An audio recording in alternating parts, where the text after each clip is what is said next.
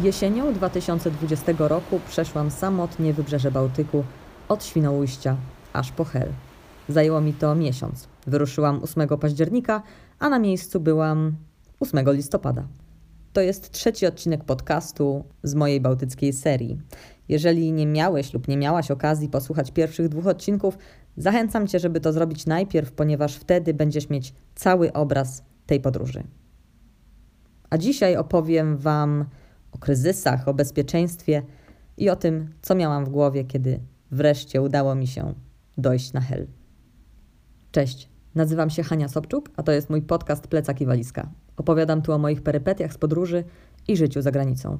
Jeżeli podoba Ci się to, co robię, możesz wesprzeć moją działalność dobrowolną wpłatą w serwisie Patronite. Szczegóły znajdziesz na stronie patronite.pl ukośnik plecak i walizka. Miałam bardzo dużo pytań dotyczących bezpieczeństwa w podróży, czy nieprzyjemnych sytuacji, tego, czy nikt mnie nie zaczepiał. Nie wiem, czy ja mam jakieś obniżone poczucie zagrożenia ze strony świata, czy co, ale ja jak gdzieś jadę, to jest ostatnia, znaczy może nie tyle, że to jest ostatnia rzecz, o której myślę, moje bezpieczeństwo. Oczywiście, że nie, ale nie myślę nigdy o czymś takim, że o matko, tam mi się coś stanie, ktoś mi coś zrobi. I no nie wiem, bardzo tak racjonalnie do tego podchodzę. Może dlatego też, że bardzo dużo podróżowałam sama. I owszem, w życiu zdarzały mi się różne sytuacje, a to mnie okradli.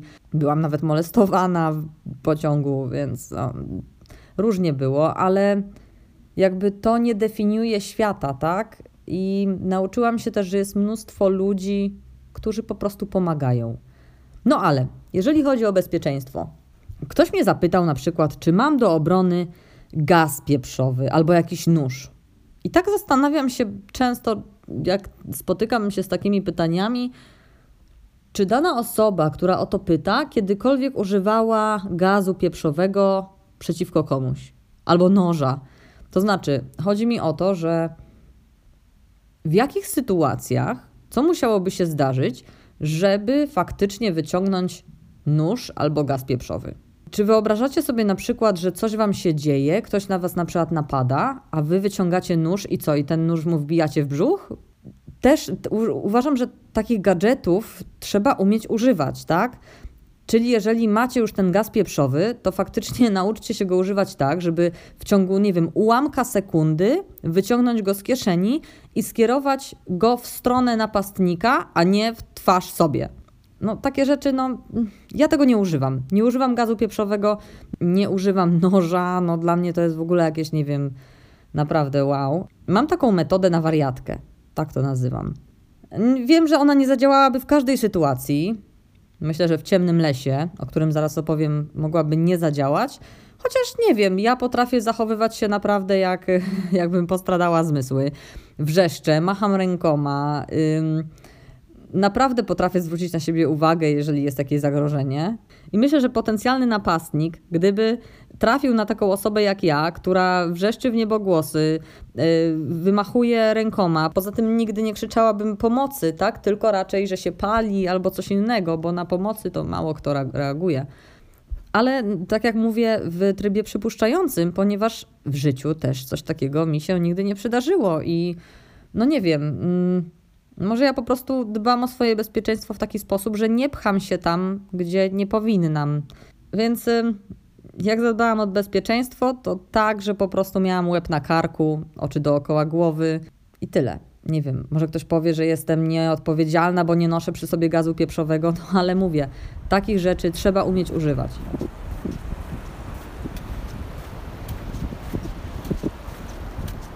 No ale właśnie, czy miałam jakieś nieprzyjemne sytuacje? Jeżeli chodzi o sytuacje związane z ludźmi, to chyba tylko jedną. I polegała ona na tym, że jechał jakiś facet na rowerze, taki starszy.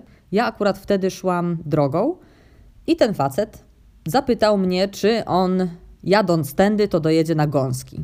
Ponieważ kilka minut wcześniej sprawdzałam trasę na mapie i patrzyłam, jakie miejscowości są przede mną, to gdzieś tam te gąski zapamiętałam, ale nie zapamiętałam ich na tyle, żeby wskazać mu dokładnie, jak ma jechać i tak dalej. No i mówię do niego, że wie pan co, nie jestem pewna, ale tak mi się wydaje. Na co on się odwraca, bo on w ogóle nie zsiadł z tego roweru, on mnie po prostu minął. I tak jadąc na tym rowerze odwraca się i mówi, jeżeli pani nie wie, to się niech pani nie odzywa. I to było dla mnie takie, ale burak. Jedyna nieprzyjemna sytuacja związana z ludźmi, która mi się wydarzyła na trasie. Natomiast jeżeli chodzi o ludzi, to miałam same super przyjemne sytuacje. No dobra, może jeszcze pani Krysia, która y, przenocowała mnie też na początku gdzieś w Międzywodziu. O, i ona mi mówiła, że jak to się tak pani sama nie boi iść, przecież tylu morderców lata po lasach. To, taka pani Krysia była, ale tak to miałam same przyjemne sytuacje. Na przykład jak nie mogłam znaleźć noclegu w Ustroniu i dzwoniłam chyba po 30 miejscach, trzy godziny mi to zajęło i w końcu na sam, na sam koniec zadzwoniłam w jedno miejsce do takiej Kasi, dziewczyna odbiera i mówi, a to ty idziesz piechotą? Dobra, to ja cię przenocuję za darmo, nie? I przenocowała mnie za darmo. Bardzo to było miłe. Raz miałam też taką sytuację, w ogóle ludzie zatrzymywali mnie czasami na plaży. Mówili, gdzie pani idzie z tym plecakiem? Ja mówię, na hel, a jestem, nie wiem, 200 kilometrów od helu jeszcze, nie? I oni i wszyscy byli tacy, wow, super, powodzenia, bardzo ciepli, bardzo mili ludzie. Raz miałam taką sytuację, właśnie wtedy szłam już, y, mijałam ten Jarosławiec, że odchodziłam od wybrzeża i szłam bardziej drogą. I zatrzymał się jakiś facet. W ogóle zajechał drogę, no nie, taki był rozemocjonowany, że zastawił w ogóle prze, tam przejazd. Babka nie mogła go wyprzedzić. E, no taka to była zakręcona historia, ale, ale facet był taki naprawdę podekscytowany, że mnie widzi i mówi: Proszę pani, gdzie pani tak idzie z tym plecakiem? Ja już panią dwa dni temu widziałem. A ja mówię: Proszę pana, idę na hel. A on mówi: Matko, na hel to jest tak daleko, wie pani co, to ja dam pani tutaj, proszę, dużo nie mam, ale proszę bardzo, mam tutaj piwo bezalkoholowe. I dał mi to piwo bezalkoholowe, słuchajcie, potem na plebanii je piłam. Ale no to było takie super, bardzo przyjemne. Ludzie naprawdę byli mili, ciepli. E, kilka osób zaoferowało mi nocleg przez Instagrama. Na sam koniec koleżanka Monika e, przyjechała po mnie do, na Hel i nocowałam u niej w Gdyni, więc no niesamowite. Takie, to jest właśnie coś takiego, co kocham w podróży, że im więcej podróżuję, szczególnie sama i mam możliwość przeżycia jakiejś interakcji z napotkanymi ludźmi na drodze albo z lokalnymi właśnie ludźmi, to okazuje się, że świat jest po prostu dobry. No i ludzie są po prostu dla siebie mili i nawet jak teraz o tym myślę, to aż się wzruszam, chyba zaraz się popłaczę.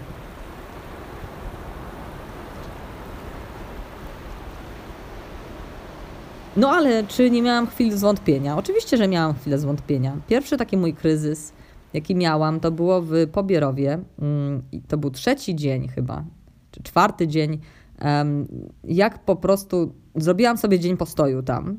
I to jest też taka moja teoria, że kiedy szłam z plecakiem, wybrzeżem, cały czas to było, wiecie, aktywność fizyczna, w mózgu uwalniają się endorfiny i człowiek jest po prostu przeszczęśliwy, tak? Ja byłam przeszczęśliwa. Natomiast kiedy już w tym pobierowie usiadłam i wyszło ze mnie zmęczenie, a nie było endorfin, to to był taki moment, kiedy zaczęłam zastanawiać się, na co ja się w ogóle porwałam. W ogóle przepłakałam pół dnia. Byłam naprawdę taka, jejku, co ja wyprawiam, że ja nie dam rady. Ale potem pomyślałam sobie, Boże Hanka, idź na ten obiad. Idź, kup sobie taki porządny, dobry obiad, który poleciła mi zresztą pani Krysia. I o matko, jaką oni mieli dobrą pomidorówkę, taką ciepłą, gęstą. I, i schabowego wzięłam, i ziemniaki, jejku. I słuchajcie, obiad za 25 zł. Zjadłam ten obiad i mówię, idę dalej, mogę, zrobię to. I to też było dla mnie bardzo ważne, bo przypomniałam sobie właśnie, na, jak mój organizm reaguje na te kryzysowe sytuacje.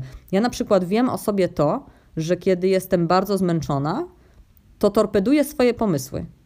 I uważam, że bez sensu, że na coś się porywam, że w ogóle co to był za pomysł. Znowu, kurde, wpadłaś na jakieś, nie wiem, nie wiadomo co. I, i potem odpocznę albo zjem i mam takie, Jezu, Hanka, Zawsze daje się nabrać mojemu umysłowi na te żarciki, że ja sobie nie dam rady. Poza tym mm, muzyka, o której też już mam, mówiłam, y, bardzo mi pomaga w takich sytuacjach. No ale miałam też pytanie o taki najtrudniejszy moment. I przyznam, że najtrudniejszym momentem było chodzenie przez las nocą. Bo niestety, ale mm, oczywiście ja nie ogarnęłam tego, że w październiku jest zmiana czasu, i robi się ciemno wcześniej, tak? Poza tym nie miałam gwizdka, a ten gwizdek by mi się przydał. I zdarzyło mi się faktycznie przez las iść nocą ze trzy razy, z czego najdłużej szłam tak chyba ze trzy godziny. I to akurat był las, w którym było mnóstwo, mnóstwo zwierzyny. I trochę mnie to przerażało, ponieważ ja sobie idę, ta moja czołówka oświetlała mi drogę, ale oświetlała mi tak dosłownie dwa metry przede mną. Ale gdzieś jak się poświeciło dalej, to to światło odbijało się od oczu zwierząt. I na przykład nie widzę nic, ale widzę jakieś ślepia w ciemności, nie? Które się na mnie patrzą. I myślę sobie, Boże, żeby to nie był jakiś zdziczały pies, albo dzik, albo wilk, chociaż podobno wilki nie podchodzą do człowieka, chociaż słyszałam dwie opinie i mm, trochę się bałam. Zresztą, jak to wyglądało, mam nagrane. Posłuchajcie. Niestety okazało się, że szlak z Mielna do Dąbek wyszedł dłuższy niż sobie liczyłam. I idę po ciemku z czołówką przez ciemny las, gdzie nie ma żywej duszy i żadnych świateł. Ogólnie rzecz biorąc, jest troszeczkę strasznie. A w ogóle wyszło to w ten sposób, że ten odcinek, kiedy wrzuci, wrzuci się w Google Maps, to tam są dwa jeziora. Jest e, powiedzmy odcinek od Mielna do Łazów i idzie się wzdłuż wybrzeża, a z drugiej strony jest duże jezioro. Potem od Łazów e, do Dąbek jest kolejne jezioro, też duże, ale szlak nie idzie już wzdłuż wybrzeża, tylko od, e, dookoła jeziora.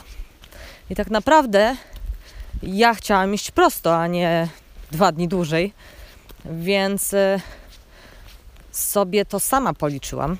No ale okazało się, że wychodzi to chyba 4 km więcej niż ja zakładałam. To po pierwsze. Po drugie, dzień wcześniej zrobiłam 20 km. I kiedy dzisiaj rano wstałam, to byłam normalnie czerstwa, ledwo się ruszałam. Przez to miałam pół godziny opóźnienia z wyjściem z mojego pokoju na szlak. No i przez, e, przez to, że byłam też taka jakby e, cały czas drewniana po poprzednim dniu, to szłam dużo, dużo, dużo wolniej za łazy aż, czyli to było jakieś 13 kilometrów ponieważ tam była dobra miejscowa na postój. Takie fajne wiaty w lesie, drewniane, zadaszone, no miejscówka super.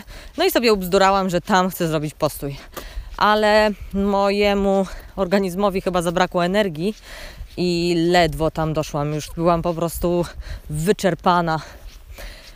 No i kiedy wychodziłam z tamtej miejscówki już, z tych wiat drewnianych, okazało się, że jest e, po 16.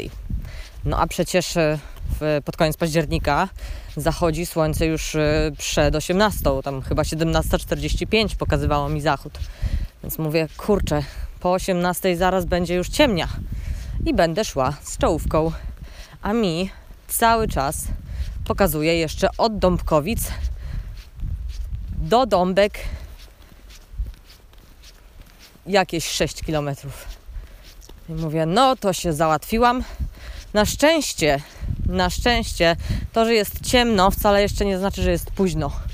Więc. Yy, więc to mnie pociesza, że nie będę jakoś o pierwszej w nocy, bo to już byłby trochę strach. Natomiast. E, czy tam coś szczeknęło? Chyba widzę jakieś oczy w ciemności.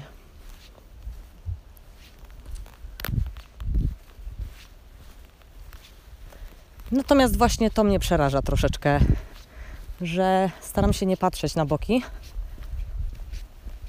bo w lesie są dziwne rzeczy po ciemku, a ja przed chwilą widziałam oczy i mam wrażenie, że tam coś na mnie szczeknęło. Mam tylko nadzieję, że to nie jest jakiś dziki pies, który chce, zechce mnie zaatakować czy coś takiego, bo takich psów się boję. Jeszcze ze Sri Lanki, bo kiedyś się na mnie jeden z daleka rzucił i uciekłam w popłochu. Może jak będę stukała tymi kijkami o drogę, to trochę się wystraszy. Emocje są. oczy mnie trochę wybiły z rytmu, ale chciałam jeszcze powiedzieć, że przyznam, że ja mam bardzo bujną, bujną wyobraźnię i wszystkie horrory, które naoglądałam się w życiu, właśnie mi się przypominają, więc e, kiedy idę, to nie patrzę w ten las. Patrzę pod nogi, patrzę w drogę, którą oświetla mi czołówka. No, bo moja wyobraźnia czasami trochę za bardzo sobie pozwala. No, pocieszające jest to, że jak idę, o samochód jaki siedzie z tyłu, wow. Pocieszające jest to, że jak idę tutaj, to czasami się zdarzają ławeczki i sobie w takim ciemnym lesie mogę usiąść. Z tyłu jedzie samochód i z przodu chyba? Nie, to cały czas ten z tyłu. Proszę, jaki tu ruch.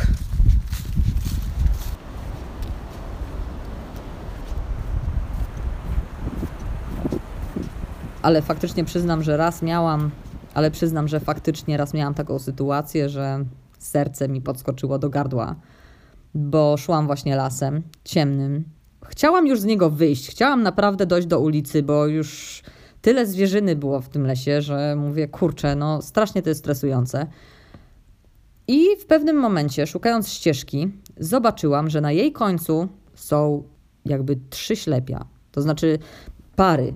W sensie jakby trzy zwierzaki na mnie patrzyły i pomyślałam sobie wtedy, że o Matko Boska, jeżeli to jest jakaś grupa, jeżeli to są dziki albo psy i one mnie widzą, ja nie mam pojęcia, gdzie mam tutaj uciekać. Ja już zaczęłam łapać za pasek od plecaka i rozglądać się za najbliższym drzewem, żeby na to drzewo się wdrapać, ponieważ też to jest taka historia mojej babci, która kiedyś wracała ze szkoły i wyskoczył na nią wilk. I ona wdrapała się na drzewo i siedziała na tym drzewie, dopóki sobie nie poszedł. I to mi zawsze siedziało w głowie, żeby patrzeć, gdzie jest najbliższe drzewo. I ja już po prostu trzymam rękę na pasku od plecaka, gotowa ten, pas, ten plecak zrzucać, gdzie jest najbliższe drzewo, na które najłatwiej się wdrapać. Czy te zwierzęta się na mnie. Już nie wiedziałam, w którą stronę w ogóle mam uciekać, tak? Że w tą, a może w tamtą, kurde, gdzie tu się cofać, jak do tych budynków mam przejść, co się dzieje, nie? I tak patrzę na te zwierzęta, na te, na te oczy, no nie? A one się nie ruszają. Nawet nie mrugają. No myślę, że w pewnym momencie jakaś reakcja by była, tak? No i co mnie zaintrygowało, to to, że te oczy wyglądały trochę inaczej niż oczy poprzednich zwierząt, które widziałam. To znaczy, o co chodzi? Kiedy świecicie latarką na oczy zwierząt w ciemności, to światło wpada w te oczy i je rozświetla na takie żółte punkciki. Ale jeżeli widzicie z daleka lampę, to często się wydaje, że to światło jest takie rozmazane. Wiecie, taki, taki, takie promienie się wokół niego tworzą. No i właśnie, kiedy przyjrzałam się tym oczom, to zrozumiałam, że tak naprawdę to chyba nie są oczy zwierząt, tylko właśnie lampy jakieś. I mówię, ryzyk fizyk, idę w tamtą stronę. I faktycznie, doszłam. Doszłam do budynku. To były lampy. I nie mogłam przejść ten budynek, ponieważ on był po prostu zarośnięty drzewami, krzakami i nie dało rady przejść dookoła, żeby dostać się do ulicy, więc mówię, cholera, muszę iść dalej tym lasem. Więc wróciłam do tamtej ścieżki i do lasu, ale mówię, no wtedy, w tamtym jednym momencie tyle strachu się najadłam, że mówię, dlaczego nie miałam gwizdka? Dlaczego nie miałam gwizdka? Ale to był taki najtrudniejszy moment, który przeżyłam i jestem dużo mądrzejsza o kolejne doświadczenia. I tego chyba nie chciałabym powtórzyć. Jak się czułam, kiedy już przeszłam cały ten Bałtyk? Kiedy doszłam na Hel? Na początku miałam takie, okej, okay, jestem, doszłam, udało się. Ale za chwilę dotarło do mnie, że ja przeszłam 400 kilometrów i zalała mnie taka euforia, takie niedowierzanie, że cholera, ja naprawdę przeszłam 400 kilometrów Bałtykiem. To było niesamowite, niesamowite uczucie. Jak pamiętacie z pierwszego odcinka, mówiłam, że chciałam wzmocnić charakter. Wzmocniłam i to nawet dużo bardziej niż się spodziewałam. Myślałam, że ja po prostu przypomnę sobie, jak wygląda podróżowanie solo. Natomiast ja weszłam na zupełnie inny poziom świadomości. Dla mnie to było coś takiego, że teraz nic mnie nie złamie. Nie złamie, nie zatrzyma, mogę wszystko. Mogę wszystko. Po prostu to było coś niesamowitego. Plus 500 do zajebistości. Naprawdę, naprawdę wow. Ogromny szacunek do siebie samej zyskałam, że jestem w stanie zrobić takie rzeczy. Nie chcę więcej. Miałam jeszcze takie pytania, czy schudłam, albo czy miałam, y, czy mam lepszą kondycję. Kondycję oczywiście mam lepszą, ponieważ no to, tak jak mówię, wzmacnia charakter. Byłam cały miesiąc tak naprawdę, wdychałam jod i y, byłam cały czas na świeżym powietrzu od rana do wieczora, więc kondycyjnie, wydolnościowo to niesamowite było. Ja cały czas szłam, cały czas miałam ten plecak, więc to, to było super. Czy schudłam? Nie schudłam. Moja waga utrzymała się idealnie, a to dlatego, że mm, chudniemy wtedy, kiedy nie dostarczamy ciału wystarczającej ilości kalorii. Ja miałam bardzo dobrze wyliczone kalorie, ile potrzebuje moje ciało i dokładnie tyle mu dostarczałam. Więc utrzymałam wagę. Kondycyjnie było super, czułam się świetnie, naprawdę wow. Co bym zmieniła w tej podróży? Nic. Nie wiem dlaczego, może mam po prostu małe wymagania. E, znaczy, ja mam takie w ogóle podejście, że kiedy podróżuję, to nie mam żadnych oczekiwań, więc e, biorę to, co po prostu mi daje wszechświat. I pod tym względem to jest super, ponieważ nie wkurzam się, że coś mi nie wypaliło. Oczywiście no, stresowałam się, tak jak wtedy z, właśnie z tymi zwierzętami w nocy, albo z tym, że nie mogłam znaleźć noclegu w ustroniu, albo z tym, że. Mm, Byłam na samym początku mega zmęczona, bo jeszcze nie wiedziałam, jak to w ogóle wszystko działa. Więc owszem, były stresujące momenty, ale w sumie nic bym nie zmieniła. Czy bym to powtórzyła? Tak. Bardzo chętnie bym to powtórzyła, a także zrobiła kilka innych szlaków pieszych w Polsce i e, w Europie, które chodzą mi po głowie. Zawsze mi chodziły po głowie, ale do tego czasu, do tego przejścia Bałtyku, z jakiegoś powodu zawsze myślałam, że czegoś mi brakuje, że nie dam rady sama, że coś tam, coś tam, nie? Natomiast po przejściu tego Bałtyku uważam, że mogę wszystko i jest to kwestia czasu, kiedy powtórzę Bałtyk i przejdę kolejne szlaki piesze. Mam nadzieję, że ta historia mojego przejścia Bałtyku się Wam podobała.